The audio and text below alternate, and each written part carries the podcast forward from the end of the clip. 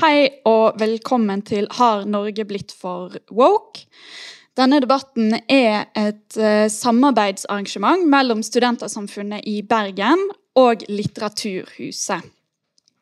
Og så er det slik at alle som sitter her i salen, har kjøpt billett. Og det betyr at dere har gratis inngang på alle våre, altså Studentersamfunnet, arrangementer nå i vår.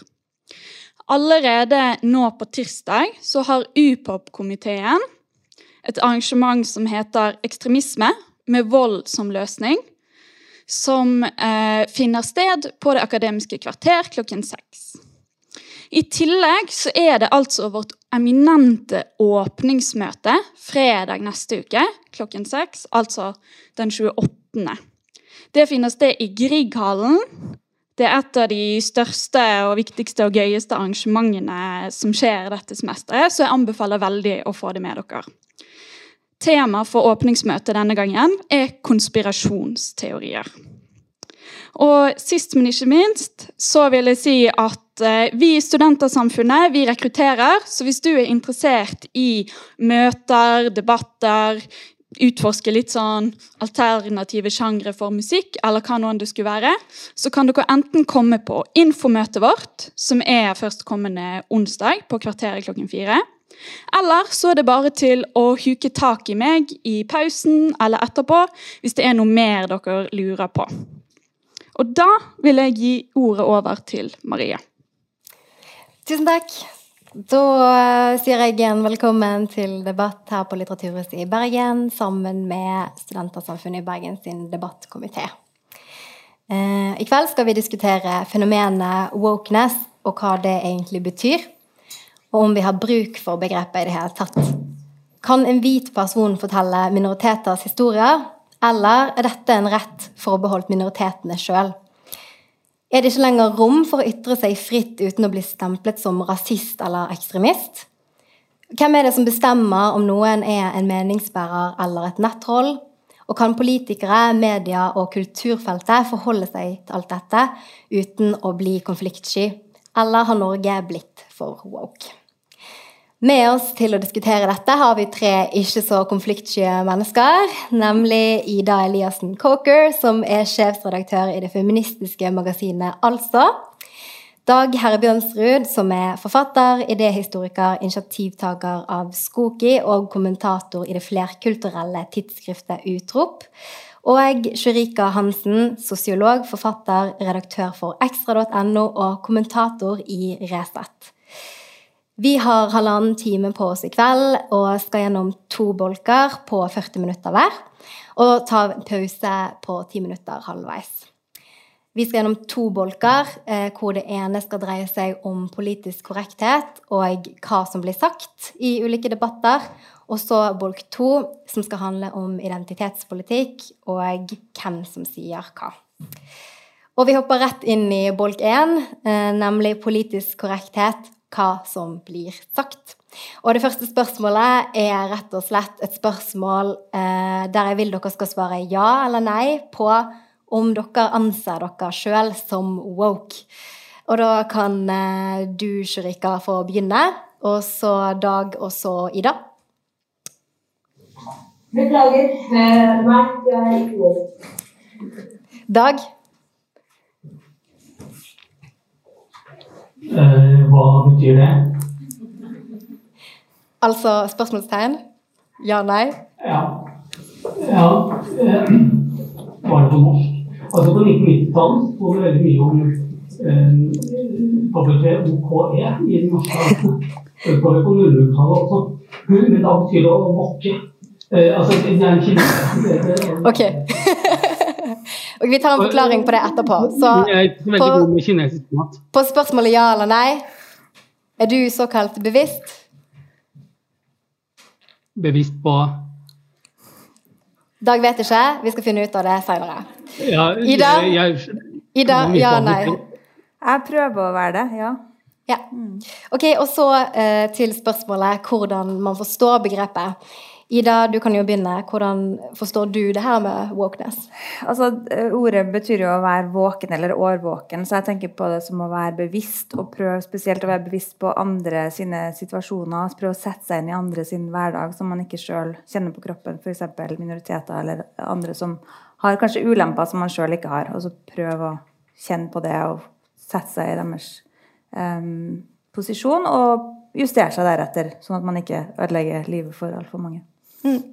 Shurika, hvilke assosiasjoner har du til dette begrepet? Det er jo bra måten du forklarer det på, men jeg tror dessverre ikke det er slik de typisk woke ser på seg selv. Jeg tenker at eh, ordet woke deler samfunnet i to. Der er det undertrykker og undertrykt. Der majoritetssamfunnet ser på oss minoritetssamfunn som undertrykte, og dermed tar de skyldfølelsen over på dem for å vekke dem fra en slags eh, lidelse. Så da blir det en helt situasjon der man må holde mennesker nede for å føle seg stor nok. Woke, og dere som definerer dere som det, er de største rasistene vi har. Rett og slett fordi dere ser ned på andre istedenfor å la et samfunn være likestilt. Når vi har delt samfunnet i undertrykte og undertrykkere, så ser du, Ida, på deg selv som en person som er med på å undertrykke minoritetssamfunnet, fordi du har ikke nok tro på at oss i minoritetssamfunnet, vi klarer oss, vi utdanner oss, vi er like flinke som dere. Så hvis ikke du hadde hatt denne her ideen om at vi var så undertrykte, eller vi klarte mindre enn dere, så hadde ikke du hatt behov for å ta den kampen med oss. Så den der såkalte mm, medfølelsen dere har for oss, den håper jeg at dere trekker til dere. Fordi offerrollen som mange minoritetssamfunn har, den er basert på denne her mentale eh, syns synd på mennesker, den skyldfølelsen dere har etter den slavetiden som Norge basically ikke har noen problemer eller ikke har vært en del av, det er den jeg mener at dere må legge fra dere. Fordi For å opprettholde et samfunn der noen har woke og årvåkenhet, så må det finnes en undertrykt gruppe og en gruppe som undertrykker. Så når jeg kaller dere woke for rasister, så tenker jeg jo at jeg som minoritetskvinne møter antirasister og såkalt woke-mennesker og vil veldig gjerne si at vi klarer oss bra, så hold deres medfølelse for dere selv. Så kan dere konsentrere dere om at vi er likestilte. Dag, hva assosierer du begrepet med? Um, ja, wow. Uh, det, jeg skjønte at um, dette kanskje ikke handlet om kinesisk matlaging allikevel. Um, uh, ok. Idehistorisk um, Eh, gjennomgang her, eller veldig kort, da. Eh, oppstår vel på 1930-tallet. Det er tydeligvis det dere snakker om, da. Og som jo da betyr årvåkenhet. Eh, det er den delen. Som betydde altså at i afrikansk-amerikansk sammenheng spesielt, så at man var årvåken og bevisst på den systematiske rasismen som, som de opplevde, i hvert fall på 30-tallet. Og som og som jo med, er blitt på ny aktualisert nå med George Floyd-drapet i, i, 2020. Så er det jo da en, en politisk slagside ved dette her. Så spesielt nå de siste to årene, og spesielt etter George Floyd og Black Lives Matter, så har jo den republikanske siden i USA startet en egen sånn anti-woke-kampanje. Sånn at de da, snur da på dette og bruker woke som et skjellsord. Og, og, gjør det for å skape, skape politisk oppslutning. Da. Så, så, uh, the, war on woke kalles dette i USA. Og så ser vi at dette da kommer til, til Norge også. Det har gjort det nå i i Trump-tiden, og spesielt de siste par årene. Uh, og da er det spesielt um, det er, det er, veldig få som kaller seg, ifølge mediene, da, som kaller seg woke. Det er, det er ikke så mange som si, tør det, det er veldig tøft av Ida. Det brukes jo også da i, i norske medier etter hvert som et skjellsord. Og siste året så eh, jeg gikk gjennom på mediearkivet, så er det da spesielt Dokument og Resett som har brukt dette her som, som kampord. da.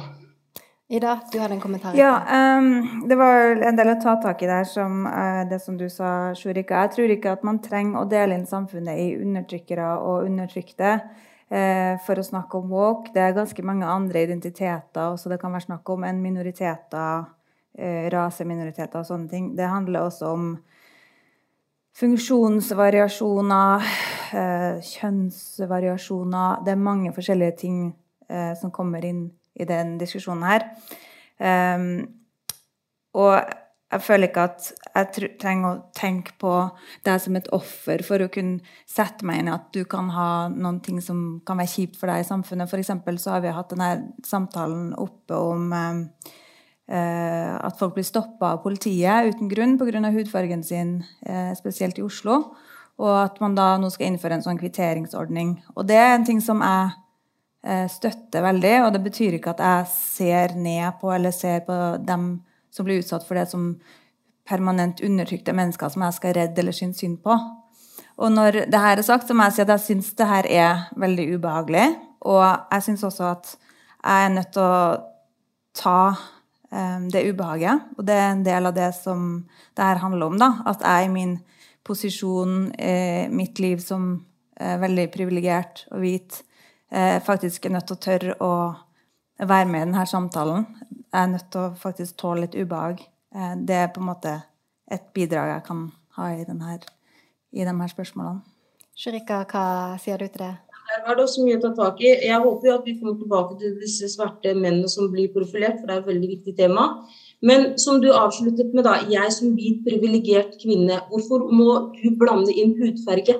Det er det som er, ikke sant? Fordi hvorfor kan ikke jeg som svart kvinne være privilegert? Ikke sant? Så det du basically sier er jeg som hvit kvinne som bor der og der, dere deler. ikke sant? For det som er veldig viktig for ytre venstre eller radikal venstre eller venstresiden, er det at det alltid skal være ofre. Og det som er utrolig vondt akkurat der, er at for at dere skal få gjennomslag for deres politiske synspunkter, så må noen være ofre. Der kommer du da, istedenfor å ta tak i det at grunnen til at det svarte unge menn blir profilert, det er at politiet går ut fra statistikk. Hvis 70% av kriminaliteten i Oslo begås av unge kriminelle mellom 14 til 24, hvis det er det som er, og politiet da leter etter Greta på 47, så går ikke de etter statistikken. Politiet må gå etter statistikken. Så det der, må, det der kaller jeg konstruert rasisme. Det er akkurat det det er. Dere trenger ikke finne feil i statistikken. Det er det det er. Jeg har selv en bror som har blitt stoppet av politiet fordi de trodde at det var en av de som gjorde noe på Grønland. Og en av grunnene var at de så flere svarte menn som gjorde akkurat det samme tidligere enn det. Ikke forsvar den type handlinger. Disse guttene må faktisk ta ansvar for det uten at norsk politi blir stemplet som rasister eller at vi skal ta woke. Jeg er veldig glad for at du blir av minoritetsjenter. Jeg er veldig glad for at du har et bra hjerte at du bryr deg om andre personer som ikke er like privilegerte som deg. Men vær så snill, ikke del det i svart. Eh, ikke privilegert, hvit privilegert. Del det det gjør du, for du sa 'jeg som hvit privilegert kvinne'. Skal jeg sitte her da så forventer du at Nei, jeg skal si, faktisk omvendt Forventer du da at jeg skal si 'jeg som ikke privilegert svart kvinne', for jeg er svært privilegert? Det som du lager der, er en ubalanse. Nei, men det er det dere gjør dere lager en ubalanse som får oss til å føle oss undertrykte, og dere som de som ikke er undertrykte. Og det er akkurat denne kampen her. Nå gjør du det samme mot meg ved å si det dere gjør. Hvem er, hvem er dere, liksom? Hva er det vi gjør? Men du sa vi, vi som ja. er født her. Må vi, vi, må videre. Men før det så vil jeg spørre deg om har du virkelig tenkt at det er såpass svart-hvitt som Shurika beskriver? Nei, jeg syns jo absolutt ikke det. Og jeg, og jeg, sa jo at jeg er privilegert bl.a. fordi jeg er hvit, hva det jeg mente å si ved å si jeg er privilegert, hvit, ikke sant, sånne ting. Jeg har f.eks. aldri blitt stoppa av politiet pga. hudfargen min. Og jeg, jeg, har hørt ganske mange historier fra folk som har det. Og jeg, ikke det, jeg tror ikke det er greit for dem at de skal bli stoppa, dem som individer skal bli stoppa fordi Kanskje det er riktig, den statistikken, det vet jeg ikke. Um, den er, er helt riktig, riktig den, kan google, den kan du google. Det er, det er fakta. Ja, det kan godt være at det er riktig, men det er ikke riktig for individet å bli stoppa hele tida. Når du blander inn din rase i en ting, da da, da, legger du skylda, da lager du balanse der. Så du kan jo ikke Skal jeg hele tiden si 'jeg som svart kvinne', så hadde jeg hadde vært helt enig med deg alt det du sa, hvis ikke du hadde avslutta med 'jeg som hvit kvinne', eller hvis ikke du bomma fullstendig på at eh, gutter med minoritetsbakgrunn blir stoppet av politiet av én en enkel grunn. Erfaring gjør oss klokere. Politiet har erfaring med dette. Og det er derfor de blir stoppet. Ikke fordi politiet er rasister. Norge er ikke engang på topp 10 eller topp 20 av rasistiske land i verden. Vi er langt ifra. ok? Så hvis du skal bruke det som argumenter, så må du lese statistikken først, og så kan du ta det. Vi skal eh, heldigvis og dessverre eh, fortsette med dette ubehagelige temaet etterpå. Mm. Men enn så lenge så har jeg et annet spørsmål om det samme. Har politisk korrekthet gått for langt, eller såkalt wokeness? Politisk korrekthet, om dere vil, gått for langt, eller har det ikke gått langt nok? Ida, hva sier du? Eh, ikke langt nok. Det er mye igjen. Det er mye som ikke er bra nok ennå. Dag, har du en kommentar? Igjen så må du jo definere eh, spørsmålet, og hva betyr dette her? Eh, så, så, man legger jo veldig mye inn i disse ordene. Så etter dette her så må jeg forresten også bare si at jeg har hatt eh, ganske sterke betenkninger med å delta i den debatten. Uh, ja, og det gjelder jo bl.a. med tilbake med 2018, hvordan Studentersamfunnet inviterte Lurås og Resett på, til, til, debatt den gangen og bygget opp eh, det nettstedet, eller var med på det, etter at Sumaya Gridali ble hetset her sånn. Um, og så, Erna Solberg tok tydelig avstand fra det, og det var bra. Uh, nå har jeg allikevel, etter veldig mye tvil, valgt å delta her sånn. Eh, jeg fryktet det skulle bli en litt hissig, eh, eller litt vel hissig debatt. Men noe av årsaken var faktisk at Hansen her, som deltar, hadde en tekst nå for noen par uker siden hvor hun ja, indirekte si, beklaget, det er kanskje litt å gå litt langt, men hun skrev i hvert fall at eh, hun eh, sa at eh, dette nettstedet, som ikke er medlem av Redaktørforeningen, at eh, de hadde publisert for sterke kommentarer da av om Sumaya. Og det, og det var vår feil at eh, disse slapp til. sitat slutt. Eh, og det må jeg si at jeg, jeg holdt på å si likte å lese, og det gjorde at jeg allikevel valgte å delta her sånn. Eh, jeg ville ikke gjort det hvis det var Lurås og lederen for dette nettstedet. Eh, eh, og heller for så vidt ikke nødvendigvis med Islamnett eller som diskuterte homofili for den saks skyld. Det ville jeg også gjort hvis det var et spesielt opplegg for det. Altså. Jeg har valgt det nå, så det må jeg bare si. Så må jeg bare til slutt bare ta litt sånn faktakorreksjon. Eh, når det gjelder slavetiden, det ble nevnt det. altså Norge var, og Danmark var svært aktive. 110 000 slaver ble overført fra eh, Ghana-regionen til Karibia, tre øyer der, eh, på 1700-tallet. Bergen var jo veldig involvert. Danmark-Norge var faktisk topp syv i verden i i slavehandel, altså i Europa. Så de, de var ganske store. Ja, det er ingen slaver i Norge, det var det som var poenget. Altså, Vi har ikke historie i norsk historie som slave. Men kan jeg bare få lov til å kommentere det han sa? Og så håper jeg at det er liksom det du sa om uh, Sumea. Og at, eh, fordi jeg skjønner at du er ivrig i det. Jeg er glad for at du leste det jeg skrev, og at det fikk deg til å ville være med. Det er den type dialog som vi trenger i samfunnsdebatten akkurat nå, sånn at man forstår hverandre istedenfor å demonisere hverandre. Så det vil jeg takke deg for, at du leste den, anerkjenner den og kommer i den. Jeg mente hvert eneste ord jeg skrev der. Jeg ville aldri i verden ha stått for at en minoritetskvinne, majoritetskvinne, bare ordet kvinne eh, blir omtalt på en måte som jeg ikke liker. For meg så er jeg verken woke eller antirasist eller noe av det. For meg så handler det om menneskerettigheter og alles rettigheter. Så når du kjemper da, kjempet hele tiden for Sumea, så håper jeg også at du kjemper for andre kvinner som er på motsatt side av Sumea bl.a. meg. For vi har like rettigheter, selv om vi er ideologisk sett forskjellige. Så bryr du deg om kvinner, så må du bry deg om alle kvinner, ikke bare kvinner med hijab. Og jeg håper at du tar det til deg i dag. Jeg håper at dere antirasister og woke-folk og alt det der tenker at det, det, handler om menneskerettigheter, det handler om kvinner. La oss ikke dele samfunnet i de gode jentene, de dårlige jentene. La oss ikke dele det i eks-muslimene og de aktive muslimene. Fordi det vi alle sammen har behov for, det er å kunne bestemme over vår egen kropp. Ok, Så den samme støtten Ja, du gir til det- Sumaya, det må du gi til alle andre innvandrerkvinner. Ikke del oss i hvis du finner noen andre som har blitt hetset like mye som Sumaya på dine nettsider, da, så, så skal jeg støtte dem også. Eh, og jeg forholdt meg her kun til hva Erna Solberg og et samlet politisk Norge sa om dette nettstedet. I Det var ikke nettstedet, det var akkurat denne saken her.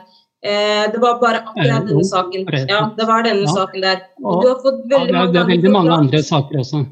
Det var ikke veldig mange andre saker. Det var ingen andre politikere som gikk ut. Det var denne saken.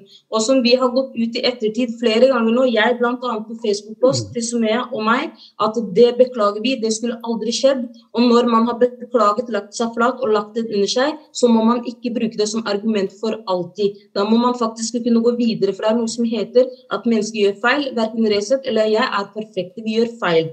Vi har prøvd oss. Det var feil. Sumaya kommer den dagen jeg møter henne, får jeg en beklagelse av meg personlig. Og da må vi la det ligge. Med mindre det er noe annet jeg personlig har skrevet. For det har jeg ikke. Jeg har aldri skrevet noe personangrep. Du derimot, Dag, har skrevet personangrep uten at vi går inn på det. Og den avisen du skrev det i, ble til og med dømt for det. Og de måtte beklage overfor alle sammen at de slapp gjennom dine ord. Så ikke kast glass. Jo, Tull. okay, men vi, tull. vi, eh, vi har faktisk Ja, ja, eh, en, en ting. Du skrev personangrep mot Aksel Ja, fra SPO. Det var det. Artikkelen din ble slettet, og Antirasistisk Senter beklaget på det Nei, det er ikke sant. Den ligger ute. Nei, det stemmer ikke.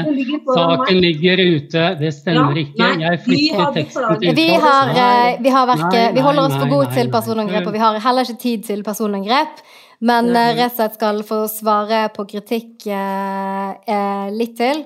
Eh, og Shirika, i dag så er jo du her eh, eh, som deg sjøl, og kan selvfølgelig ikke representere en hel redaksjon. Men det du likevel skal få lov å svare på, er eh, det her med at Resett har blitt sterkt kritisert for å åpne for muslimhat og hatytringer i sine kommentarfelt. Eh, og eh, på tross av at du ikke representerer hele redaksjonen, så har du sagt at du også har vært en del av å moderere disse kommentarfeltene. Har du en kommentar til, eh, til dette? Ja, så lenge jeg har moderert, så kommer det verken muslimhat eller minoritetshat eller hat mot noen inn, hat mot homofile, hat mot eh, eh, jøder. Jeg tok over modereringen eh, som modera moderatorsjef for eh, to år siden. Før det så kan jeg være enig i alt av kritikk som kommer. Det tar jeg til meg. Det sier jeg ok, det var virkelig ikke bra. Da jeg tok over for to år siden, så ble det ekstreme endringer. Og de endringene det skjedde fordi jeg viet hele livet mitt på å endre dette kommentarfeltet. Den tiden var det også ikke en eneste negativ ting som har blitt nevnt om verken Sumé eller andre personer. Det har vært ting, det har vært virkelig opprydding i det. Så hvis noen kan ta noen eksempler på de tingene som har skjedd ettertid, så er det selvfølgelig noe vi må jobbe med. Vi har store problemer med at VG og veldig mange andre store steder har stengt kommentarfeltet. Så de har sendt alt dette her søppelkommentarene til oss. De har sendt alle rasister, som dere vil kalle det, og jeg vil det, til oss. Hvor skal mennesker gå når de ikke har noe kommentarfelt? Hvor skal de gå når de ikke kan få ut frustrasjonen sin? Vi har mennesker i dag som har mistet jobben, vi har mennesker som ikke har noen steder å gå, så de samler hos oss. Men vi heller godtar ikke at de kommer med verken muslimhat eller jødehat, noe vi ser overalt på kommentarfeltene nå. Ida, har du, en, eh, har du noen reaksjoner på dette? Det med kommentarfeltet Jeg har ikke noe forhold til kommentarfeltene på Resett. Hvordan er det hos dere i kommentarfeltene? Eh, Hvordan modererer dere det? Vi i Altså er jo så lure at vi bare kjører papir. Ingen La oss legge til at vi har 3000 kommentarer om dagen. Vi har 3000 kommentarer. Vi har moderatorer som modererer i opptil tolv timer. Og jeg som modereringssjef jeg sitter og går gjennom hvert eneste enkeltperson. Og når jeg bare lukter eller ser antydning til verken muslimhat Dere må skille mellom muslimhat og islamfiendtlig. Jeg selv er eksmuslim. Jeg har skrevet en veldig islamkritisk bok og har ingenting til overs for islam. Men grensen er over at islam er noe dritt, enn at muslimer er noe dritt. Den ene slipper gjennom, den andre blir utstengt for. Så, sånn jeg leser deg, så sier du at eh, dere setter noen grenser i Vi setter mange grenser. Vi har, hvis du leser gjennom retningslinjene, hvis du leser gjennom de reglene som jeg var med på å sette, så vil du virkelig ikke komme gjennom med ting, uansett hvor mange profiler du lager.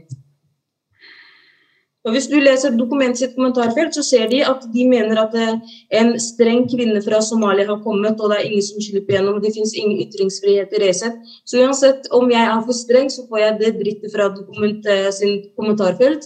Om jeg slipper ytringsfriheten til, så får jeg det fra venstresiden. Så det er krig mellom alle kanter, og da må man jo tenke jeg mener at eh, muslimer som en minoritet virkelig ikke skal åpne kommentarfelt og lese noe dritt om seg selv. Men de må virkelig så inderlig tåle at deres religion blir kritisert. Akkurat på samme måte som at kristne må tåle at kristendommen har hatt en del dritt som vi virkelig ikke bør ta opp igjen. Men kristne personer bør ikke føle at de ikke kan åpne kommentarfeltet uten å ha hets mot seg selv. Ida? Ja, det jeg kan si er at uh, Fordi magasinet altså er bare på papir, og vi slipper unna det der uh, på den måten, så deltar jo jeg veldig mye i andre debatter, samtaler og skriver kronikker. Og da er jeg veldig opptatt av å følge opp det i uh, kommentarfeltene på Facebook. Fordi om det er en veldig stor jobb og kan være en påkjenning, så syns jeg det er både spennende og viktig å imøtegå og prøve å forstå alle som kommenterer, og faktisk Eh, spør dem ja, hvorfor sier du det, eh, hva mener du egentlig med det. Jeg syns det har vært ganske konstruktivt. Jeg har fått faktisk eh, ros fra folk på helt andre sider for at jeg faktisk går inn i de diskusjonene. Bruker noen dager på det, men noen ganger må jeg også sette strek. da. Hva er det som gjør at du setter strek? Tida, bare. At, ja, at nå har jeg ikke sånn tre dager på kommentarfelt, f.eks. Jeg kan ikke bruke mer enn det. Mm. Ja. Så jeg forstår dere alle som at dere mener at det går noen grenser eh, for hva man skal tillate i både media og kommentarfeltene sine. Tidligere denne uken så hadde vi et eksempel eh, på at eh, Dagbladet eh, og flere andre medier har jeg forstått, valgte å publisere deler av Behring Breivik sin appell og både stillbilder og bevegelige bilder, altså video, av at han gjør nazihilsen. Hva synes dere om det? Burde Dagbladet holde seg for god for det? Jeg har vel svart først de andre gangene. Ja. Dag, har du en kommentar? Uh, ja, det er, vel, det er et interessant spørsmål. Uh, for, min, uh, for, min, del, altså i, i ny tid i 2011-2012, vi valgte å følge det som var de internasjonale standardene, altså gitt av UNESCO. Men faktisk å ikke vise bildet av personen som sto bak ugjerningen, nettopp fordi at de søker denne oppmerksomheten i mediene. Eh, nå gjorde vi jo det som et eh, globalt ukemagasin, og det er noe annet i mediene. Eh, F.eks. Dagsavisen har jo valgt en veldig bevisst linje på dette nå. Og jeg ser at den oppmerksomheten rundt den problemstillingen, da, hvordan mediene er, med på å hause opp det som har skjedd, ikke bare i 2011, men vi hadde jo også i 2019, da Johanne ble drept i Bærum, og angrep på moskeen. Eh, og da var det jo nettopp, da søkte jo også gjerningspersonen, han hadde med seg kamera. Og som Breivik så forsøkte han, sånn som med Christchurch-angrepet på New Zealand, så søkte han nettopp oppmerksomheten og bli en altså helt for sine egne. Så mediene er helt jeg håper å si, avgjørende her. Um, og det er for at de skal nå ut med budskapet sitt, så um, i hvert fall at, at, de er mer bevisste her til lands nå, slik vi har sett de er i New Zealand og i USA og i England.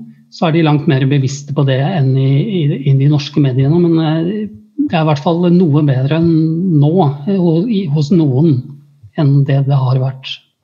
Mm, Shrika, hvordan stiller du deg til en sånn vurdering? Vi hadde jo diskusjoner innad i redaksjonen. Eh, det var flere i redaksjonen som ikke ønsket at vi skulle ha bilde av han. For det aller første sant, så tenker man på ofrene, alle som må stå opp en dag, og så må de se traumene som de har gått gjennom. Og alt det der. Og jeg har jo levd i borgerkrigen, jeg har vært i fire flyktningleirer. Jeg vet hvordan traumer kan ta deg igjen hvis du bare blir minnet på de tingene som er. Så det var jo med, På bakgrunn av det så har vi begrenset hvor mye av bildene vi skulle bruke. Så vi brukte vel ett bilde på flere saker. Jeg tror ikke vi tok verken eh, nye mm, talen som han hadde om alle disse her. Fordi han nevnte jo i et punkt i uh, sin greie at han fikk ikke lov til å lese HRS dokument eller Resett. Og vi var selvfølgelig veldig glad for at han ikke fikk lov til å lese Resett. Eh, men bare det å minne folk på at dette er en nazihilsen, selv om jeg er for ytringsfriheten og er veldig for det, så var det noe sånn sterkt. Hva vil ofrene føle? Hvordan vil de kjenne på den der, det slaget i magen? Jeg skulle definitivt ønske at mediene var litt mer forsiktige. At vi på en måte ikke begrenset hans ytringsfrihet, men at vi fikk det i mye mindre. Fordi når man åpnet VG, vi prøvde å være mye forsiktige. Men når man åpnet VG, så var det sånn fire saker av han. Du kom deg aldri unna. Uansett hvor du åpnet, så var han der. Mediene burde nok definitivt ikke kanskje ha hatt lyd av han, f.eks. Det, det er enkelte av de ofrene som aldri har hørt. Så når man tenker på underholdningsverdi og folkets nysgjerrighet, så er det sikkert bra at han får uttale seg, og ytringsfriheten. Men når det gjelder ofrene, og det er snakk om flere hundre, så er det en forferdelig ting. Så egentlig, ja, jeg syns vi, vi, burde vist mindre. Jeg også I vår egen redaksjon så burde vi definitivt brukt mer enn rose, noe vi også gjorde på flere saker, enn bildet av han. At ofrene burde blitt skånet for han.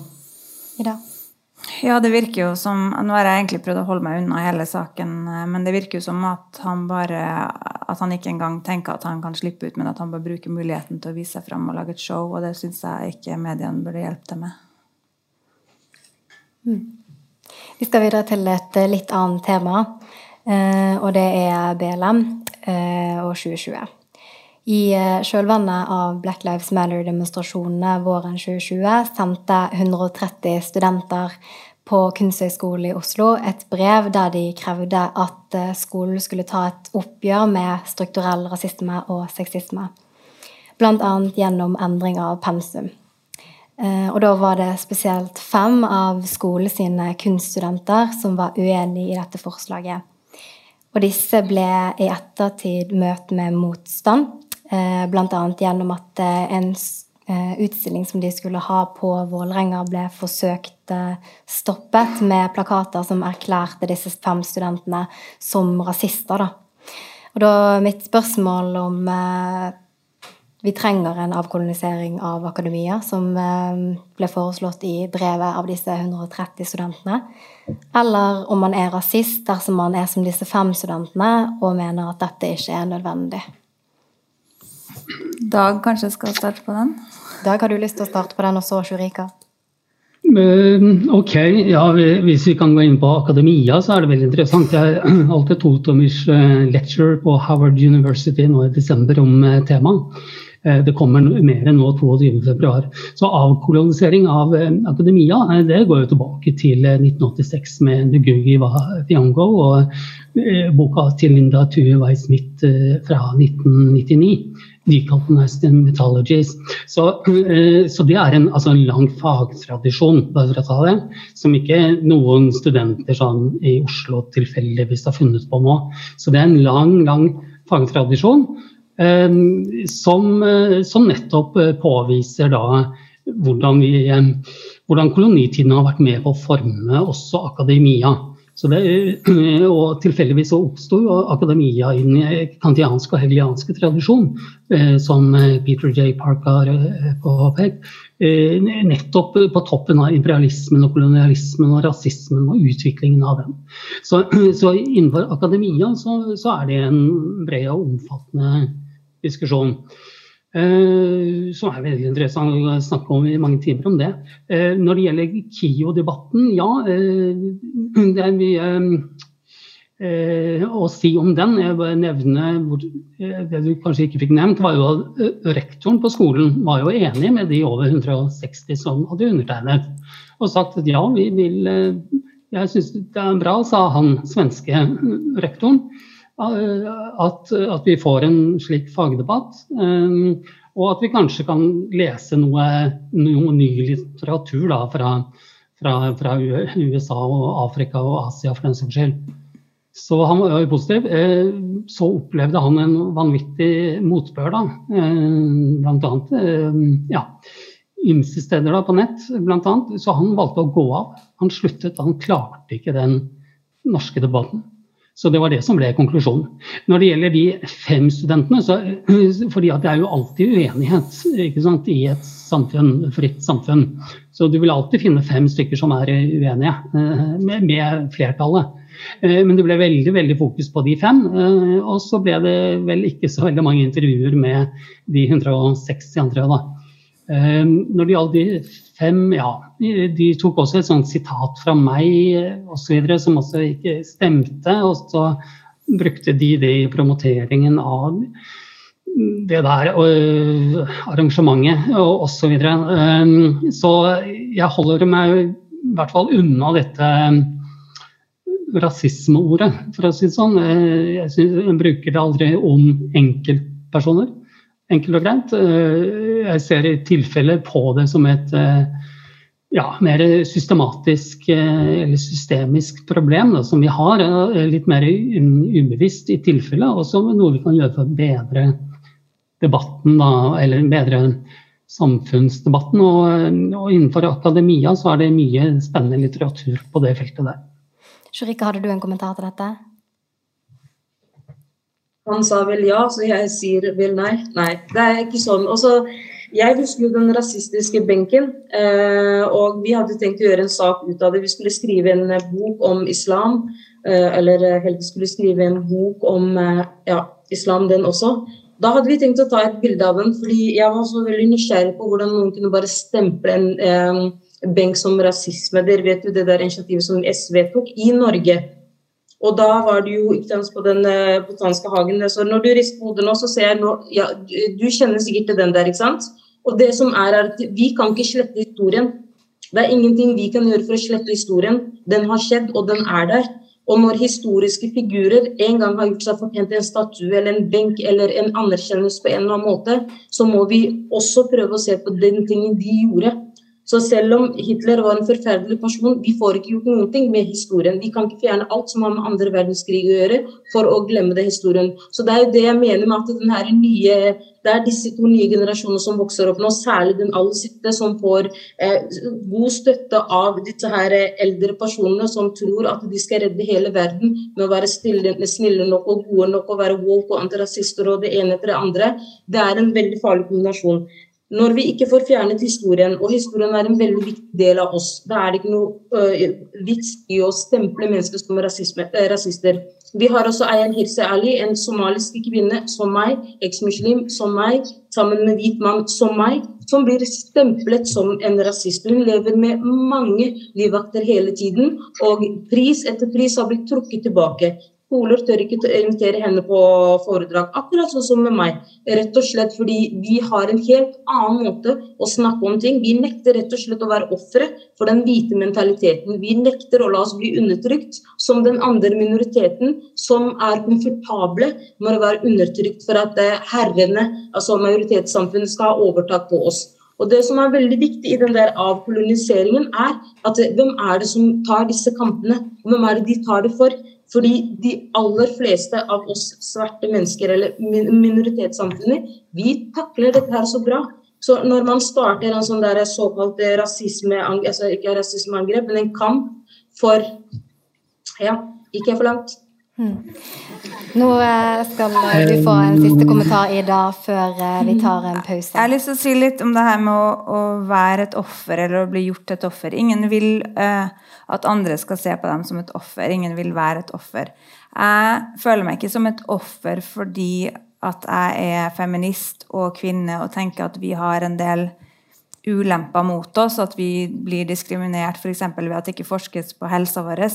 Eh, at eh, kriminaliteten mot oss ikke tas på alvor. Og når jeg så at eh, kjendislegen Kaveh Rashidi var ute og ranta på Twitter om voldtektsstatistikken og status i Norge i dag, så ble jeg glad for at han gjorde det. Og det er en veldig sjelden ting å se at en mann tar på seg feministhatten så offentlig og bruker stemmen sin på den måten, og at han turt å gjøre det til tross for kritikk. Eh, så Det ble jeg så glad for, og det har jeg savna, og det håper jeg å se mer av. At menn tør å gjøre det og, ta, og være en sånn alliert og støtteperson og være en ordentlig feminist. og Derfor så eh, putta vi han på det neste coveret vårt for å vise fram at uh, vi vil ha mer av det fra menn. Og det betyr ikke at jeg føler at han ser på meg som et offer og undertrykt. og det der vil jeg ikke ha fra han. Så det er det jeg tenker på når Shurika snakker om det her må være et offer. Så det var bare en Ja, ting jeg ville si. men eh, det, det, altså, det er veldig feil kontekst du sa det i nå, da. Eh, fordi nå delte jeg, jeg snakket om sosiologisk sammensetning av hvordan samfunnet må bli delt i to for at det skal bli offer og overgriper på samme måte som at det for at du skal være woke og beskytte meg som minoritetskvinne, så må det være et angrep på meg som minoritetskvinne. Og du må da være en del av overgriperen. Så du kan ikke sammenligne Woke handler også om andre ting, som f.eks. Feminisme. ha- hvis, nei, spar meg for den der sympatien. fordi Hvis du vil virkelig beskytte kvinner og være til stede for kvinner, så sier du kvinner. Ikke bland inn rase. Ikke bland inn noe som Det har jeg egentlig ikke gjort. Nei, det, Men det har vi ikke. Du sa, skal som eh, kvinne- Shurika, vi skal faktisk blande det inn etterpå. jeg som hvit kvinne sa det, og du som eh, hvit kvinne er, betyr at du blandet inn rasen din. Det må du ikke glemme. Men vi skal gjøre det. Først så skal publikum få en ti minutters pause. Da er dere tilbake på skjermen, og da tar jeg det som et eh, tegn på at vi rett og slett fortsetter med en gang. Eh, og da regner jeg med at folk beveger seg eh, tilbake igjen til plassene sine, og de som ikke har gjort det, får lure seg inn eh, etter hvert. Eh, Den neste bolken skal handle om identitetspolitikk, og eh, det kan være vanskelig å eh, definere hva man legger i det ordet her. Eh, En noe nøytral definisjon eh, på Store norske leksikon er at eh, det handler om politisk virksomhet eller aktivisme som tar utgangspunkt i erfaringene og historien til en marginalisert gruppe mennesker, som regel en minoritet. Men jeg kan også spørre dere tre om hvordan dere forstår identitetspolitikk. Og da tenkte jeg at du, Dag, skulle få begynne. Eh, Ja, eh, takk for det. Eh, Bare en kort en liten faktaopplysning når det gjelder den såkalte benken fra Tøyen. Og den går også inn i den identitetspolitiske debatten, jeg vil bare si det. Men fakta der altså Jeg er fra Tøyen, jeg gikk på Tøyen skole og bor på Oslo øst, så dette er jeg litt sånn personlig engasjert i. Men det var vel å merke unge jenter med minoritet, såkalt minoritetsbakgrunn som oppdaget at eh, Carl von Linné eh, hadde fått en, ny benk. Så det var de som tok opp det temaet. Og så gikk de videre til ungdomsutvalget i bydelen, og så gikk det til BU. Og så var det et enstemmig vedtak der sånn om at man skulle aldri fjerne den. Så det er dessverre kommet litt feil ut i mediene, og det, det er litt problem. Eh, Det startet på dokument, den saken, og så ble det litt skjevt. Eh, Og konklusjonen på hele det er at eh, det, det, en, det er kommet et, et nytt skilt ved den benken med opplysning om hvordan Carl von Linné fra 1758 var med på å skape den moderne rasevitenskapen. Og det har eh, Carl von Linnés Society i London selv nå gått ut og ja, beklaget og påpekt.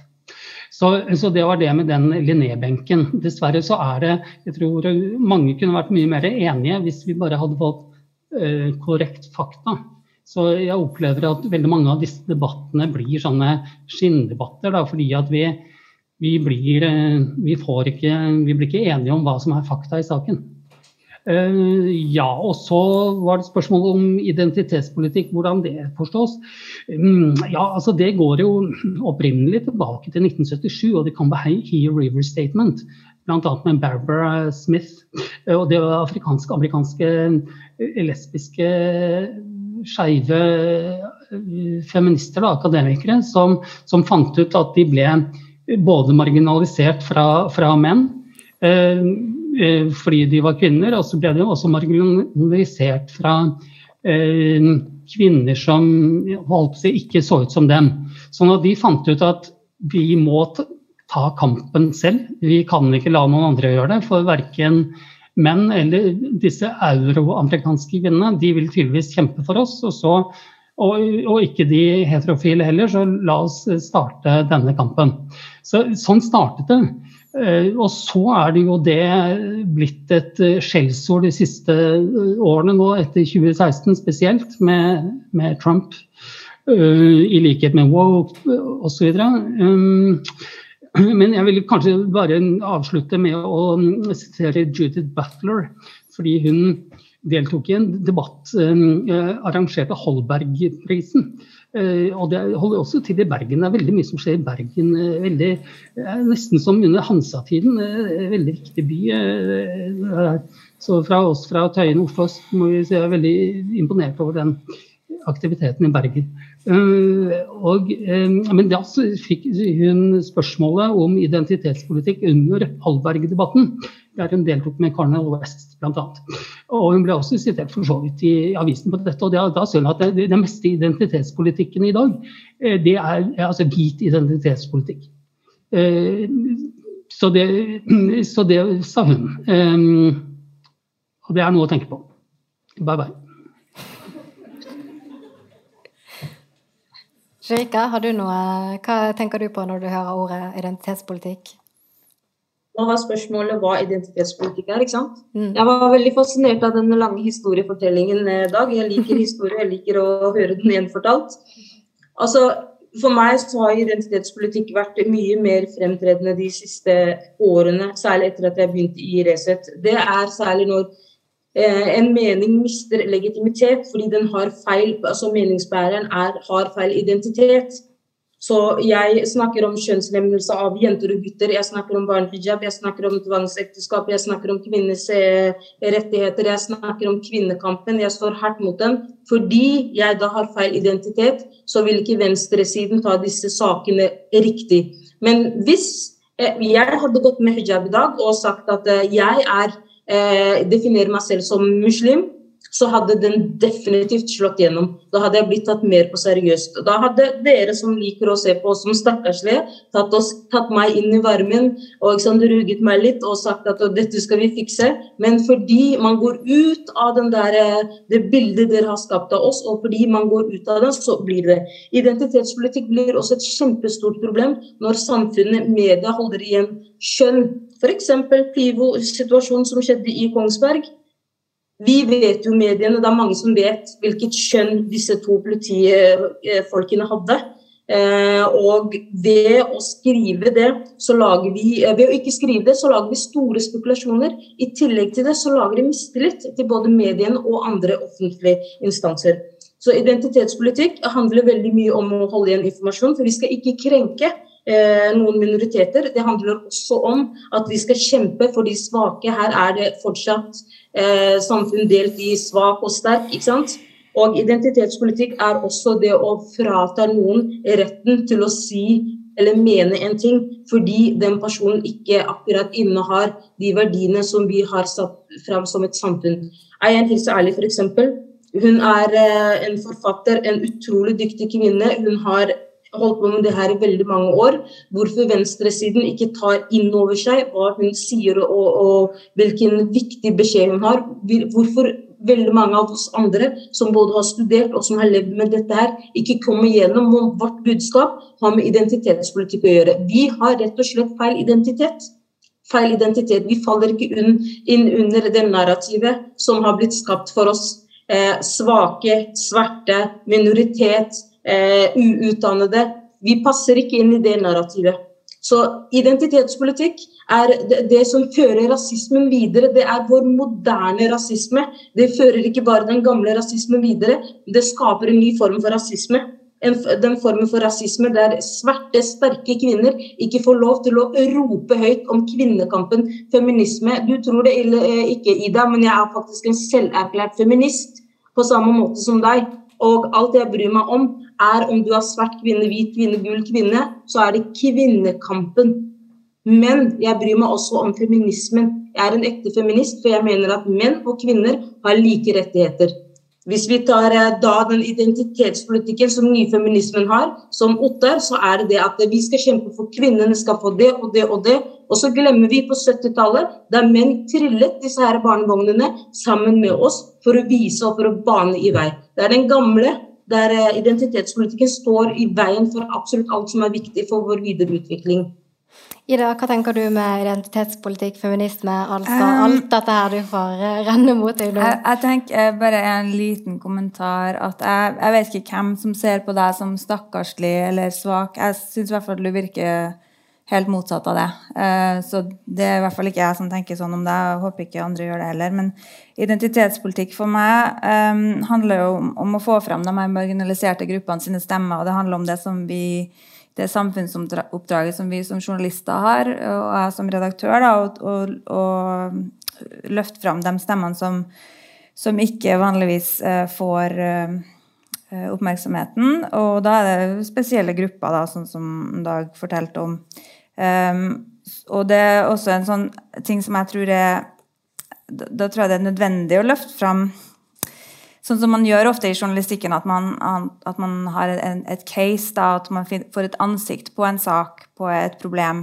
Fordi at det er det som fungerer for oss mennesker sånn kommunikasjonsmessig. At vi må, vi må se at det er mennesker um, som har denne saken, denne politiske saken. Og Derfor så syns jeg at det er en bra ting. Eh, og så har det jo blitt misbrukt, og så har det jo blitt brukt av uh, mange sider. Og som, som, nevnt her med førstevalget til Trump og den eh, tilhengerskaren hans. Og eh, det som vi ikke må glemme, er jo at det, grunnen til at han ble så populær, er jo at det var jo marginaliserte grupper i USA også. Det var jo mange som hadde veldig dårlig og ikke følte at de ble sett. Og ikke fikk oppmerksomheten og ikke fikk det de trengte i samfunnet. ikke sant? Så da følte de at Trump kom med løsninger for dem, og, og heiv seg på den og, og, og stemte på han. og altså Det finnes mange marginaliserte grupper, mange grupper som trenger oppmerksomhet og trenger en egen politikk og, og ressurser til sine saker. Uh, det, det, er på Men, alle sider. Tror du ikke at det kan ha noen uheldige konsekvenser å hele tiden poengtere hvilke grupper som er marginaliserte, hvilke altså, problemer man har i likestillingskampen? Nei, jeg ser liksom ikke helt det problemet. Jeg tenker at Det er så mange, det er det politikk handler om. da, Å fordele ressurser etter ulike behov til ulike mennesker og grupper av mennesker som har forskjellige behov. Shirika, du ser ut som eh, du er mm. uenig. Du tok jo spørsmålet ut av munnen min. Bra jobba.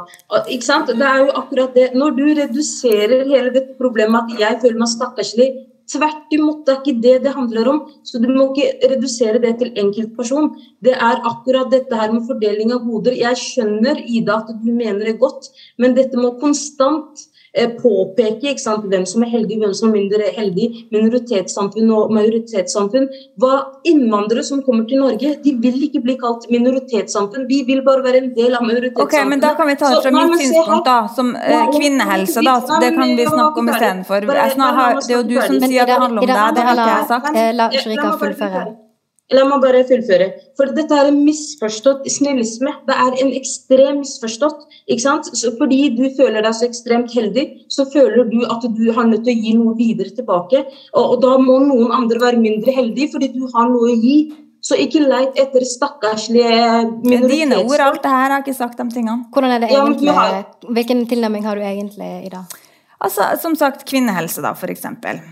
Um, jeg lurte litt på om jeg skulle ta det så langt, men Gjør det. skal jeg gjøre det? Jeg ser, jeg ser dere ikke uansett. Men uh, siste åtte årene kanskje, så har jeg blødd meg nesten i hjel en gang i måneden. Jeg må gå på blodstoppende medisiner som folk med blødersykdom får. De må jeg betale for sjøl. Legene alle sammen sier bare Nei, det her er ganske vanlig, det. Så ja.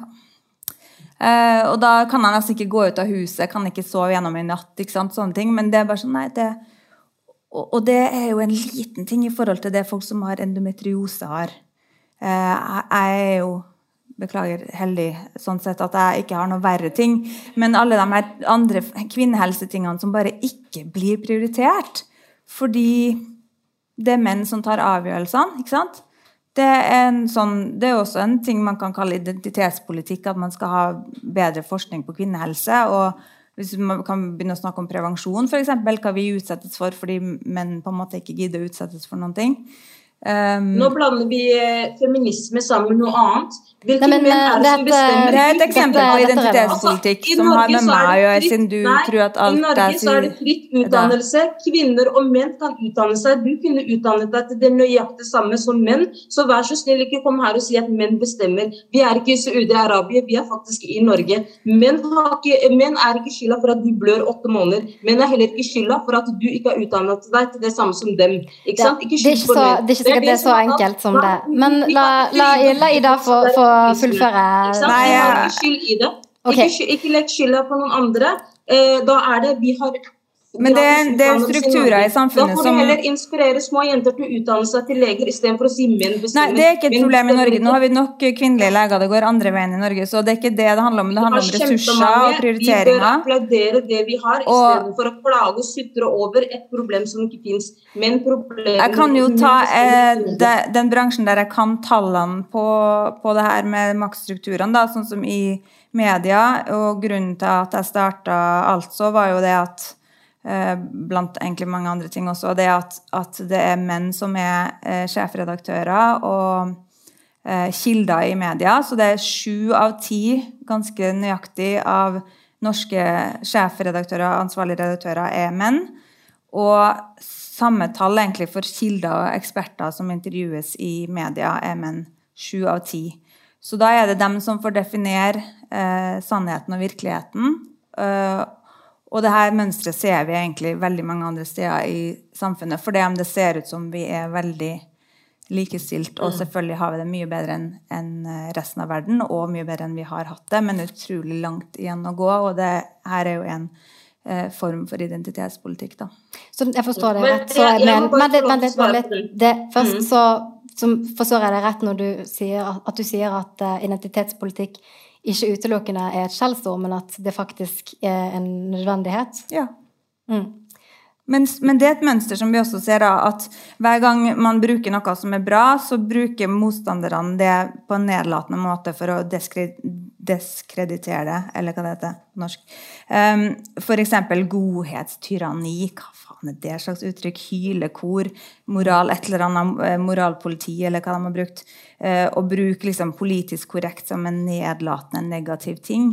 Og woke også skal han bare prøve å liksom ødelegge ved å nedlatende. Det et langt mønster, da. Men Shurika, du er jo både sorry for å poengtere det, du er jo både minoritetskvinne og eh, redaktør. Skjønner du deg igjen i beskrivelsene eh, til Ida om at eh, det er bare menn som er sjefsredaktører? og... Nei, Det kan ikke diskuteres. Det er et faktum på tallene fra Redaktørforeninga. Det kan man ikke diskutere. Nå skal ikke vi, nå skal ikke vi, vi Vi to er feminister, det er vi enige om, ikke sant? Hva sa Så du det nå? betyr Du og jeg er feminister, det er vi enige om. Ja, fint. Så vi betyr så. En av grunnene til at menn, fleste av i redaktørroller er menn, er to helt forskjellige ting. Det er at vi kvinner prioriterer helt annerledes enn menn. Biologisk sett så har vi blitt lært opp til og har det i oss at vi skal være hjemme med barna, beskytte barna over lengre tid. Det er kvinner som jobber halvtid. Det er kvinner som er mest hjemme med barna. Det er kvinner som eh, velger å jobbe på helt andre tider enn menn. Menn har blitt bygd opp annerledes til å jobbe, til å jage karriere, mens vi er relasjonsbaserte. Så når vi kommer med denne eh, identitetspolitikken, altså det der er jo helt feil. Jeg var hjemme med barna mine, jeg jobbet natt og helger og ettermiddager fordi jeg valgte å være hjemme med barna mine to år av gangen. Det er jeg utrolig glad for. Det gikk kraftig utover pensjonen min, men vet du hva? Jeg hadde ikke noe sjanse til å få en redaktørrolle før nå, før barna ble eldre. Dette var et valg jeg tok som mamma. Det er ikke noe jeg kan skylde på menn. Mens min ektemann gikk eh, videre og videre i karrierestigen, så satt jeg nede. Fordi vi er biologisk forskjellige menn og kvinner. Det er det som hindrer kvinner i å få disse sjefsrollene.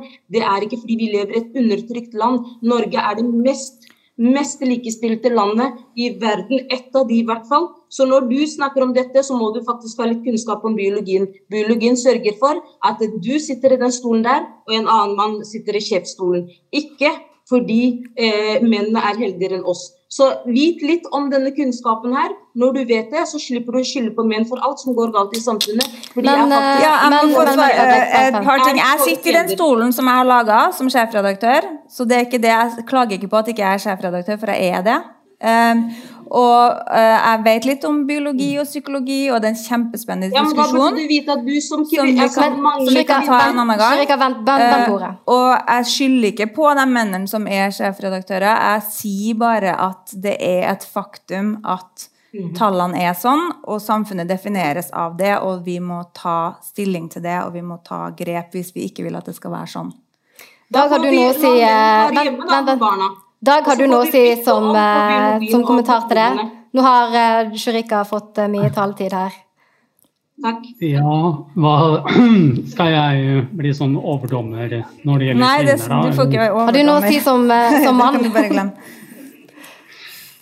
Um, Ja, eller for å ta det med identitetspolitikk. Da. Ja, jo, det er interessant som Ida nevnte der, at altså, ja, alt gjøres jo til skjellsord. da, Og jeg tror det er veldig viktig at studentersamfunnet i Bergen også er bevisste nettopp det. Hvordan, hvordan dette er jo en veldig kalkulert og bevisst eh, kampanje fra eh, spesielt i USA nå.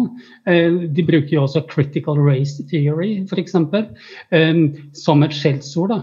at det går uh, og bruker og sier identitetspolitikken kommer og tar oss. Men det som Penn America hadde en rapport nå i, i november da, som, sa, som viste at faktisk nøyaktig det motsatte skjer. Da. At det er ikke liksom noen afrikansk-amerikanske studenter som vil ha litt mer variert pensum. Det er ikke det som er problemet. Problemet er at i 24 ulike stater i USA så forbys nå eh, critical race theory, som er en langvarig eh, akademisk tradisjon, og i praksis altså antirasistisk litteratur. Så f.eks. bøker av Tony Morrison eh, og Malala, som vant Nobelprisen, de, de fjernes nå fra bibliotekene, bl.a. i Texas.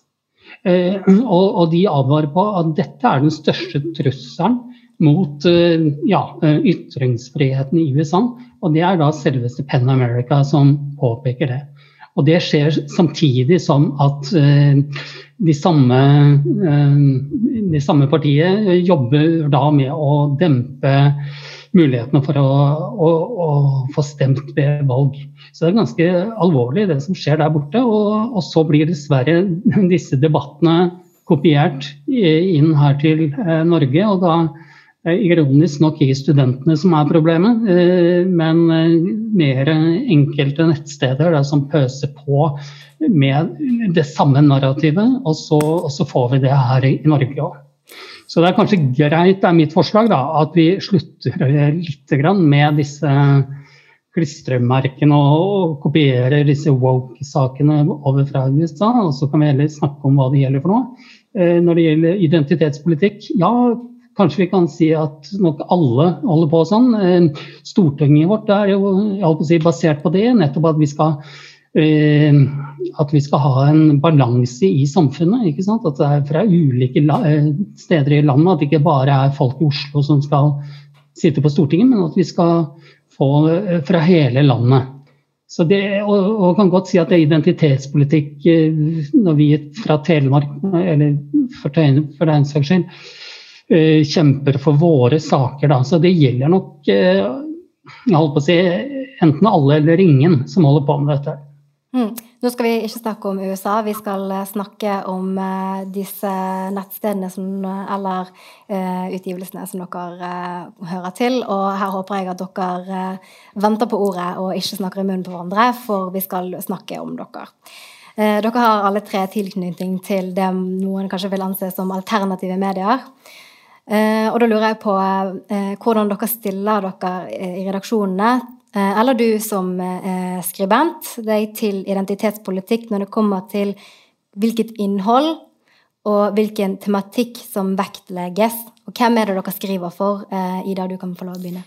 Ja, jeg vil ikke se på alt som alternativt. Jeg vil se, si at det er ganske mainstream, egentlig. At vi, at vi snakker til, til de fleste uh, vanlige folk, føler jeg. Um, ikke nødvendigvis akademikere heller.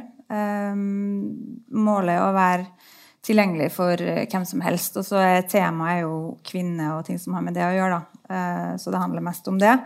Men vi, vi, tenker ikke så mye på demografi eller eh, alder eh, og sånne mer sånn konkrete ting når vi tenker på hvem vi skriver for, men vi skriver vel for engasjerte mennesker, samfunnsengasjerte mennesker. Mm. Dag, du eh, har jo en tilknytning til Utrop, ikke rent redaksjonelt, men eh, som kommentator i flerkulturelt, eh, en flerkulturell avis. da. Eh, hvordan stiller du deg til hvilken type innhold som eh, skal publiseres der, og hvem vil du si at du skriver for?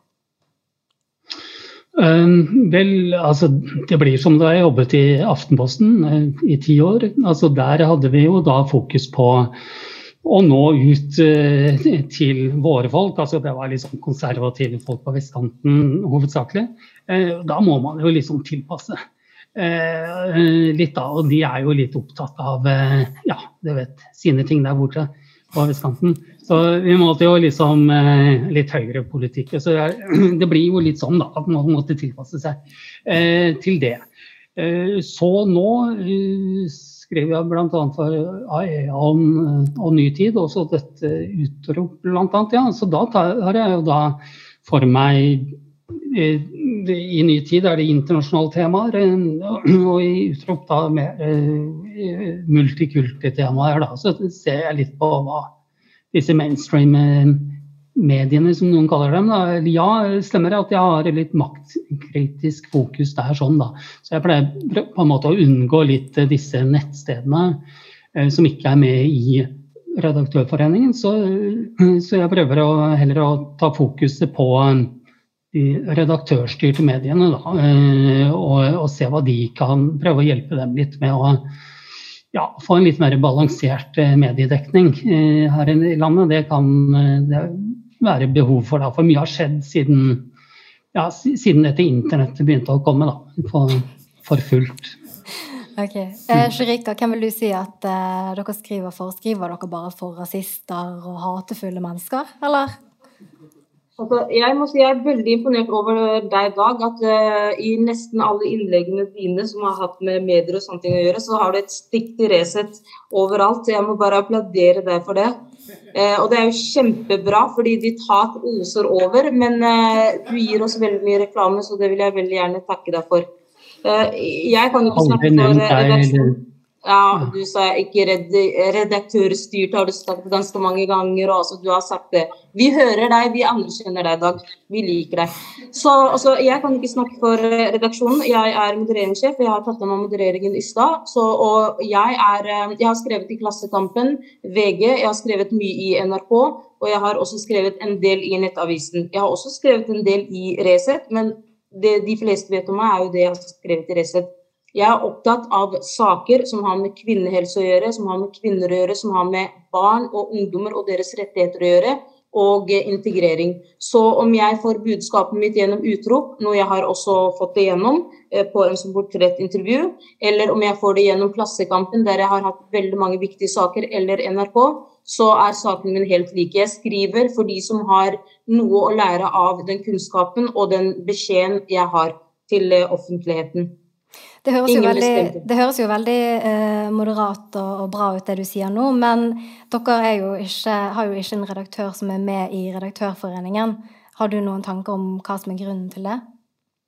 Vi gjorde ganske mange feil helt i starten med å være helt ny redaksjon. Og det har vært en god del endringer de siste tre årene etter den siste søknaden. Og vi har også nå helt ny plattform som blir lansert veldig snart. Og det har blitt gjort ekstremt mange endringer så jeg vil heller, istedenfor at folk skal tenke på hvordan racet var da det startet og ting skjedde, vent på det som skjer etter eh, slutten av februar, så vil dere kanskje få dere et par overraskelser. Hva tenker du om dette i dag? Gleder du deg til overraskelsen, eller gruer du deg? ja, jeg tror kanskje Dag uansett kommer til å ha det samme inntrykket, men vi bryr oss egentlig ikke. Vi har brukt masse ressurser, tid, på denne her omveltningen. Og eh, mitt innlegg som jeg skrev, som Dag hadde lest, det var på en måte introduksjon til det som kommer, da. Ida? Nei, jeg, jeg, jeg, vent, vent, vent. Jeg, har ikke så veldig store tanker om det. Jeg tenker ikke så mye om det. Men jeg må jo også spørre dere to, da, som skriver for Nå er dere forskjellige, to forskjellige publikasjoner, men eh, å skrive for et feministisk eh, magasin og å skrive for et flerkulturelt tidsskrift er ikke det, hva er forskjellen på det og aktivisme? Um, ja, altså Vi driver jo med journalistikk, og har jo fått det spørsmålet før om ja, hva er forskjellen på journalistikk og aktivisme. Hva er det som skiller dem to? Kan de blandes? Jeg mener at uh, vi alle har uh, meninger, og vi er alle veldig farga av uh, våre egne oppfatninger og bakgrunner. Så da tenker jeg at det er Det blir litt sånn fånyttes å prøve å late som man ikke har noe, og er helt objektiv. Eh, som journalister ofte oppfordres til å virke. Da de oppfordres til å fremstå som helt objektiv og ikke flagge egne meninger offentlig og sånt. Eh, så jeg tenker at eh, man har Alle har en agenda, egentlig. Så man kan heller være litt åpen om det. Helt være ærlig og, ja, Ja, jeg syns vi skal heller være ærlige. Altså sånn, sånn, som at jeg er feminist. Liksom. Det har vært litt dumt å påstå at jeg, Eller ikke si noe om det. og på en måte bare prøvd å lage journalistikk og så ikke si noe mer om altså, Men samtidig, alle aviser har jo en historie med liksom partitilhørighet, og de har jo eh, prinsipper, og de har jo ting de eh, innrømmer at de er for eller mot, bare det er stort og viktig nok, sånn som ytringsfrihet eller menneskerettigheter og sånne ting. Eh, så det er litt sånn ja, det er vanskelig og, og interessant diskusjon, men uh, jeg syns man kan uh, man kan ha uh, på en måte en agenda og samtidig gjøre en, en rettferdig jobb som journalister og ta begge sidene av saken og være balansert. Mm. Hva med deg, Dag? Du, driver du med aktivisme? Eh, jeg skriver det jeg gjør, da, så kan folk kalle det hva de vil. Jeg forsøker mest å holde på med faktakorreksjon. Det er dessverre litt mye å ta tak i for tiden. Så Eh, men ellers er det jo slik at uh, Vær varsom-plakaten er veldig tydelig på, på, nettopp det at vi, altså, journalistikk ikke er aktivisme. altså At man nettopp skal være balansert. Og de ulike avisene som uh, følger den ordentlig og er med der, skal jo da få inn de ulike kildene og få tilsvar osv. Og, så videre, og så kan leserne gjøre seg opp sin mening. Så det er jo uh, sånn er det. Så, så, det er veldig stor forskjell på journalistikk. Eh, og når det gjelder også altså, selv om som er jo med et magasin, så er det prisbelønt eh, og høyt aktet i, i, samfunnet, skal jeg si. Så, sånn at det er jo ikke noen som, som anklager dem for noe. Uh, når det gjelder da Resett og hva som kommer til å skje der en gang i framtiden, uh, i neste uke for den saks skyld, så venter man jo i spenning. Eh, jeg håper at det kan bli endring. Jeg ser f.eks. at eh, Islamnett eh, begynner også å endre litt på profilen sin når det gjelder med homofili og sånt. Så, og det er jaggu på tide, skal jeg si. Så, så, hvis en del av disse kan begynne å, på ytterfløyen, eller hva man skal kalle det, da, kan begynne å bli litt mindre ja, litt mindre seg selv, skal jeg si, så hadde det vært eh, bra. Og litt fornyelse og selvkritikk, litt sånn som Hansen hadde nå i januar, det, det ville vært fint. Samtidig vil jeg bare nevne det at uh, Lars Akerhaug var jo inntil nylig sjef i Resett, eller småsjef, eller hva vi skal kalle han. Uh, han gikk jo Denne ut nå i debatten handler ikke om Resett, så du kan bare egentlig slutte å vende den over. Så hvis ordstyrer faktisk klarer og holde den Resett ut av denne debatten. For nå har det vært mye Resett-snakk. Og nå må du enten fjerne Resett-fokuset ditt, eller så må vi vende den her. Fordi du kan bare slutte å vende over. Det er utrolig mye jeg har funnet om deg etter den researchen jeg har gjort. Ja, men vi, vi skal ikke snakke om ja. Så hvis du, jeg tror ikke, jeg tror ikke at eh, nevner, ja, men hvis du nevner Resett en gang til, og du skal kritisere oss, så går jeg løs på deg og utrop. Og det har vi ikke tid til. Så enten så går vi løs på begge arbeidsstedene, eller så går vi ikke løs på noen. Så få Resett ut av munnen din, er det grei, OK? Ja, men da, uh, Ida, du Tar det opp, må jeg ta ja, men jeg, jeg, kommer til å fortsette. Du tar det opp, da må du tåle ja, men da, da, må jeg fortsette med det. Nå, nå så enten så må du holde deg til temaet som du blir presentert for, istedenfor ja, å holde en, en halvtimes foredrag om Resett. Nå reklamerte du for din Men uh, nå ser jeg at uh, vi, har, bare, vi har bare to minutter igjen, så Ida, du skal få lov å komme med en kommentar. Ja, jeg vet ikke om det er helt rettferdig av meg å ta den tida, men jeg fikk lyst til å si noe om det med Vær varsom-plakaten, og det at jeg faktisk har kritisert den og Redaktørforeninga, for jeg er medlem der, så har jeg egentlig gått imot Redaktørforeninga sin tolkning av Vær varsom-plakaten. Det var noe du sa, Dag, som fikk meg til å tenke på det. at jeg ja, det, også det med aktivisme versus uh, journalistikk. da, At jeg har vært ute offentlig med standpunkt om at um, at en anklaga voldtektsmann ikke skal ha eh, rett på samtidig imøtegåelse hvis han er helt anonym.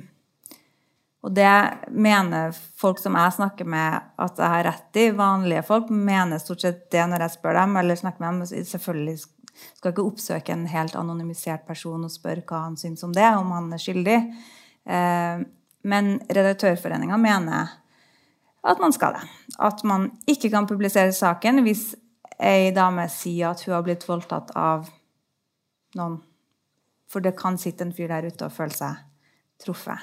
Så kritikken fra Redaktørforeningen handlet om at eh, dere valgte å ikke gi samtidig imøtegåelse, altså la denne angivelige voldtektsmannen svare på eh, anklagene, da. Mm. Eh, og dette fikk dere kritikk for. Ja, selv om han var helt anonymisert, så mente de at vi måtte gjøre det. Og vi mente at vi da ville utsette eh, intervjuobjektet vårt for fare og påkjenninger.